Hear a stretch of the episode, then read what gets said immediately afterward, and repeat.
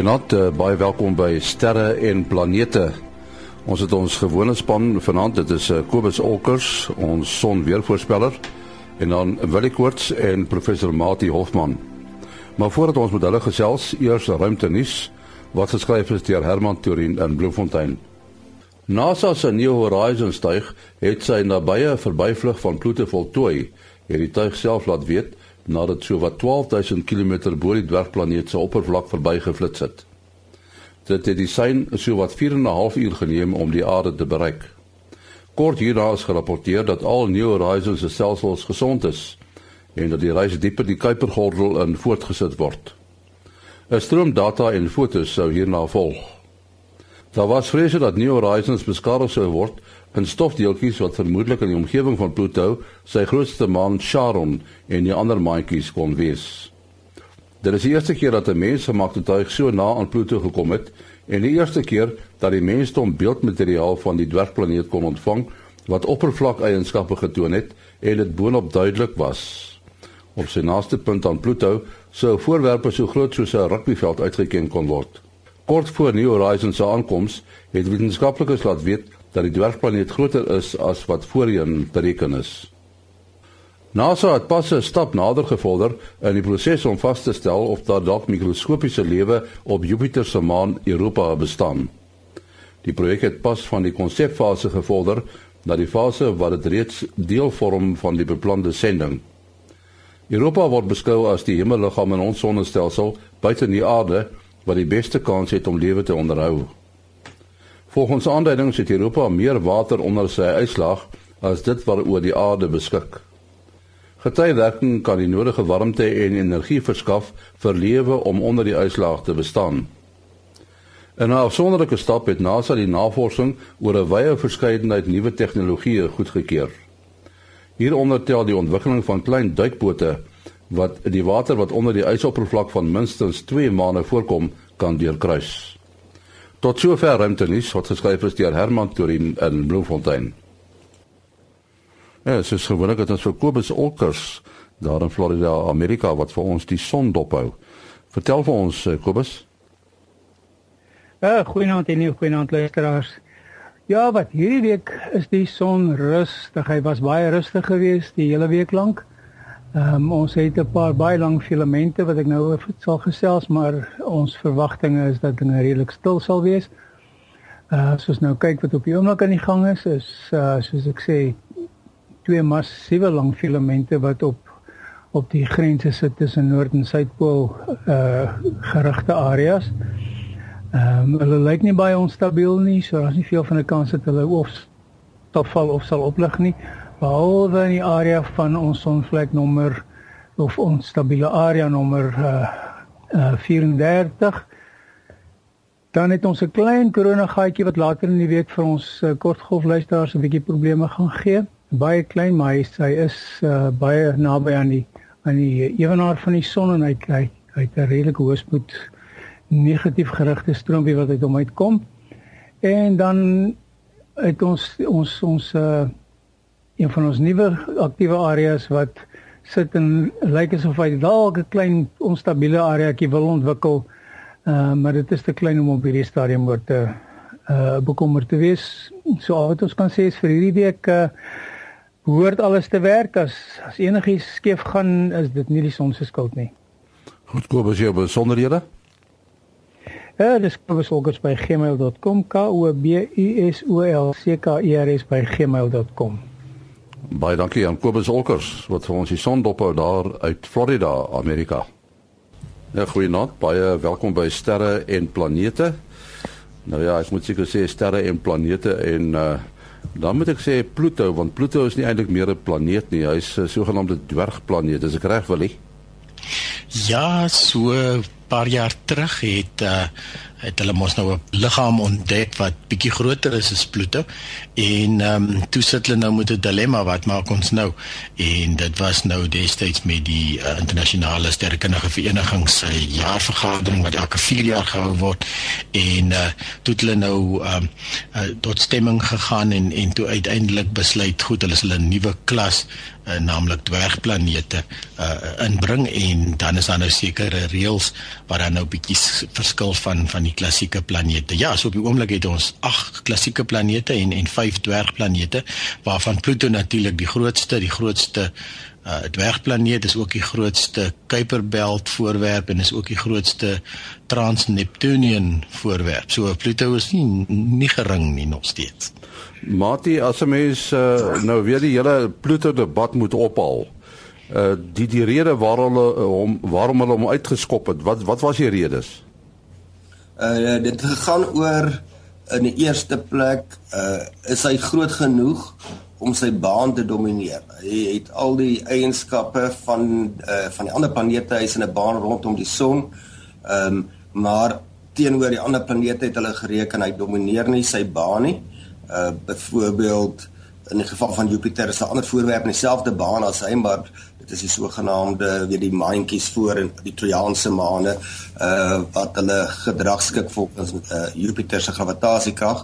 In die geval van Pluto het jy nou weer uh die uh, Neptunus wat sy baan baie naby aan Pluto se kom uh en Neptunus is die meer dominante voorwerp. Nou baie mense dit reken dat dit sou nie so 'n goeie kriterium nie. En dit is nou interessant een van die gewilde uh fotos of diagramme wat nou gepos is met al die opwinding rondom Pluto is so 'n uh, familiefoto van die sonnestelsel met al 9 planete wat ons dan nou seker in aanhalingsteken moet sit. As jy nou net 8 sit, dan jy nou twee rye van 3 elk en dan die laaste ry dan net 2. So jy het 'n gaping hier so so as jy nou Pluto se foto daar sit wat ons nou die eerste keer 'n mooi foto van Pluto kan uh, kan bysit, dan het jy nou 'n mooi blok van 3 by 3.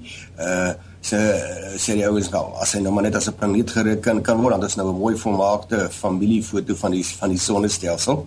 Maar nou nou nou wonder ek wil ek nou daarna verwys dat hulle uh, destyds dit was nou voor 2005 se internasionale astronomie unie se ver, internasionale vergadering het hulle dwergplanete aan die Keplerbelt uh ontdek ek dink dit was eers gewees wat uh die metings aangedui het dat dit bietjie groter as 'n Pluto en dit was net een van die uh argumente maar okay nou is daar iets wat nie 'n planeet is nie as ons dit 'n planeet maak gaan daar nog tientalle dalk honderde bykom en wie wil so baie planete hê. Uh maar nou sien ek hulle toe hulle nou naby aan Pluto kom, uh toe het hulle bevind hy's bietjie groter as wat hulle gereken het en uh dalk self soveel dat hy nou weer die grootste dwergplaneet is. Uh nou ek het nou nie 'n onafhanklike berig daarvan nog kon opspoor nie. Ek wil 'n bietjie dalk meer daarvan wat die implikasie is van die effens groter Pluto as wat hulle gedink het. Jy is reg. Pluto is nie die grootste dwergplaneet nie, maar kan moontlik nou die die eerste plek inneem. Nee, ek het ook die beriggies gesien en ek het ook gesien uh dat hulle hulle skatting van die afstand na Pluto toe wat nou 9.5 jaar gevat het, was uit moet iets soos uh 10 sekondes of so iets. Ja, so so ongelooflik hoe goed die mense se somme eintlik is en um ja, so die enigste manier om Pluto se uh, om voor die die amptelike verbyvlug om die Pluto se deursnit te bepaal was maar om metings te doen van die tydsduur wat dit vat wanneer Pluto byvoorbeeld voor 'n sterretjie verby beweeg. En dan een van ons sterrekundiges hier uh, by SAO Dr. Amanda Gilbus uh, was dan ook uh, nogal taamlik aktief besig en hulle het natuurlik gesoek vir uh, nog maandjies wat intussen ontdek is sedert die, die lansering plaasgevind het ensovoorts. Ehm um, en dan die die belangrike ding was om te kyk of daar nie enige rotsblokke of ander uh, rommel is wat op New Horizons uh, die ruimtetuig wat by Pluto verbygevlieg het, het uh, tussen Pluto en sy grootste maan Charon deurgevlieg. Uh, die ander maantjies uh, uh, uh, Styx en Nix en Hydra en Kerberos is is is is 'n bietjie uh, hulle is almal in die in die in die buitebane rondom uh um uh, Charon en en en Pluto. Charon is natuurlik 'n massiewe maan uh, omtrent die helfte so groot soos Pluto en um en en van iets soos net so ses dae om om om mekaar te beweeg en uh so die die um die ruimtetuig het dan nou tussen hulle deurgevlieg en alle aanduidings was dat dat hulle daarom toe niks getref het nie. Is uh Pluto die enigste dwergplaneet wat maane het. Een van die eh, dwergplanete Haumei, as ek reg onthou, het definitief twee maantjies. Uh die voorstellings wat ek al gesien het. So uh um ja, so dit, dit lyk my uh, Pluto is dan nie uniek daarso nie. Uh, Pluto het natuurlik altesaam 5 maane. Maar uh, Matthias, as jy nou kyk na Pluto, die foto ten minste, dan is dit uh, ja, dit is geweldig ver weg, nê? Nee? Dit is uh hoeveel is dit 7,5 duisend miljoen kilometer weg uh van die aarde af. Ons lank uitgesien om sien uh, te weet hoe gaan Pluto nou van naby af lyk. Daar's nog baie goeie fotos op pad, maar wel uh die wetenskapwêreld weet al klaar geweldig baie meer as wat hulle weet net in een van een van die gewildste fotos is die een wat die ligte kleurige gebied wat in die vorm van 'n hart is. So dis seker hoe Pluto sal uh in die publieke oog bekendstel as die vriendelike planeet wat vir ons sy hart gewys het op sy een kant. Ja, dan sê vraag nou Willie, uh wat word nou van New Horizons? Uh, uh, hy gaan nou verder, né? Nee?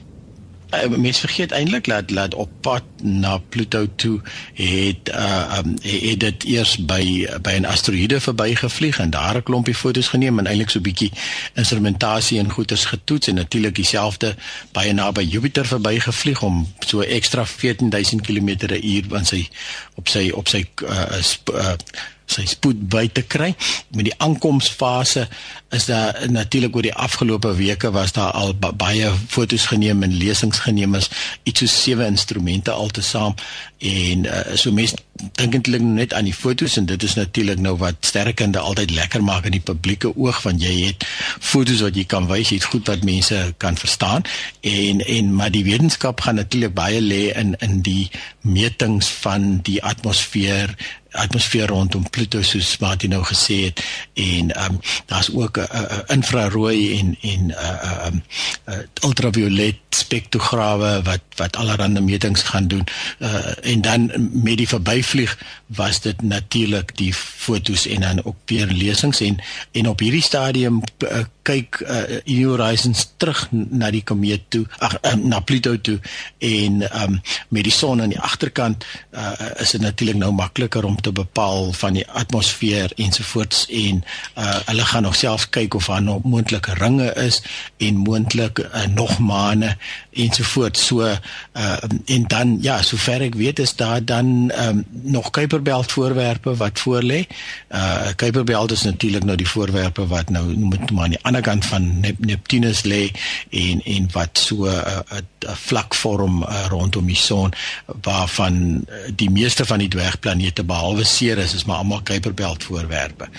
Um 'n mens dink ook nou daaraan die die goed lê naby mekaar en maar dis natuurlik massiewe afstande tussen hulle daar so so um, ek het nou nog nie so mooi opgelees nie maar ek sal aanneem hulle sal dan bietjie koersaanpassings moet af uh, moet moet um, doen en uh, en dan en dan verder gaan kyk wat wat gaan aan kant die son aan eh, of aan die kant Pluto natuurlik en en dan is soos die Voyagers hoop hopelik uh, kan gaan ons nog vir 'n baie lang tyd uh, inligting kry van van New Horizons af.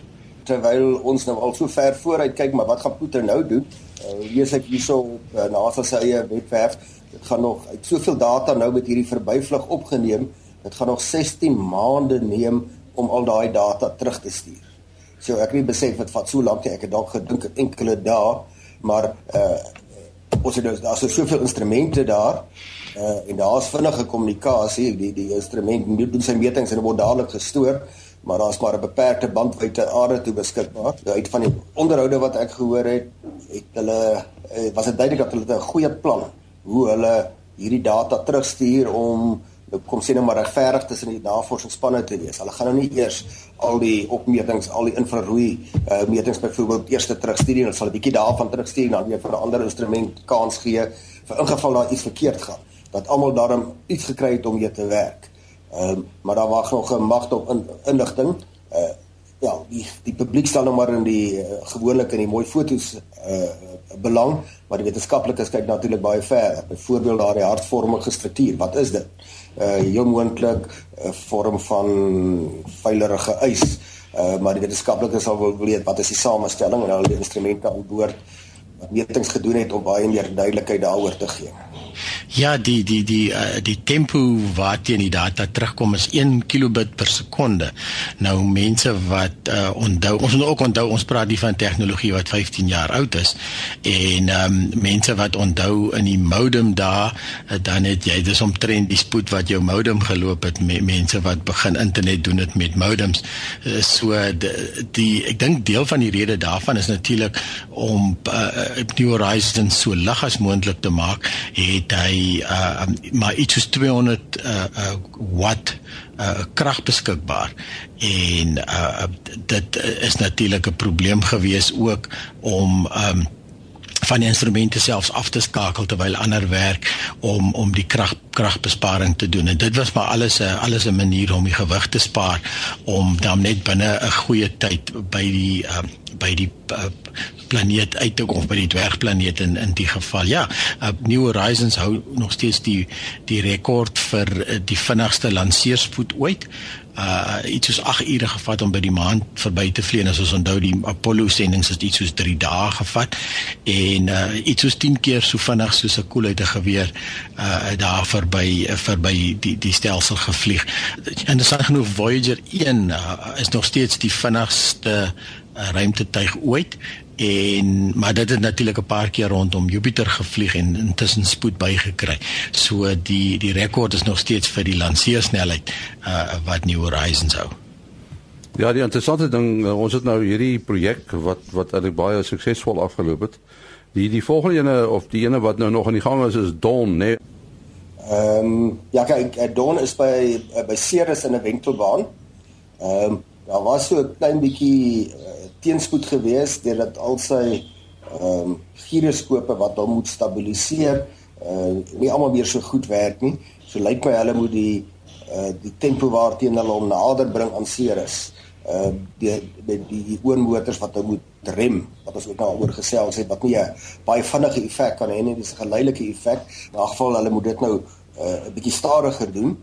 Uh daar het al 'n hele klomp ten minste nuwe fotos gekom met weet ons van oorspronklik toe hulle toe Donna nog verseer is genader het uh was dan aanvanklik so een helder helder kop uh, wat uiteindelik opgesplit het in twee helder kolle met skerp rande.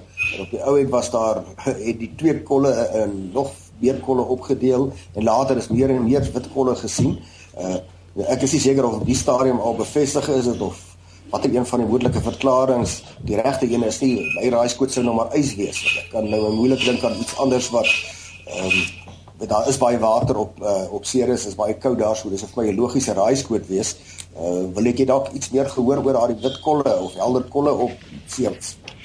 Uh, nee, ook maar nog net wat wat jy nou genoem het daarso, so dit is nou nogal eintlik ongelooflike uh, uh opwindende tye soos jy sê ons het nou skielik uh, uh twee ruimtetuie wat wat vir ons inligting gee oor oor twee van die vyf dwergplanete. So dit is dit is net heel interessant. Ja, en soos uh, uh, Henny gesê het, uh die Dawn ruimtes uh tuig het natuurlik oorspronklik by Vesta wat uh nie die grootste asteroïde is nie, maar die helderste en uh dit lyk vir my aan sy samestelling is hy nader aan die aarde as as die as die ander as die ander uh, asteroïdes.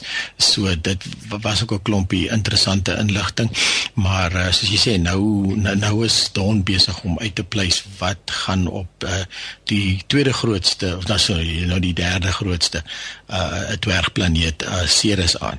Ons moet afsluit. Uh, wat is jou besonderhede? Ja, mense kan SMS bel of WhatsApp 0724579208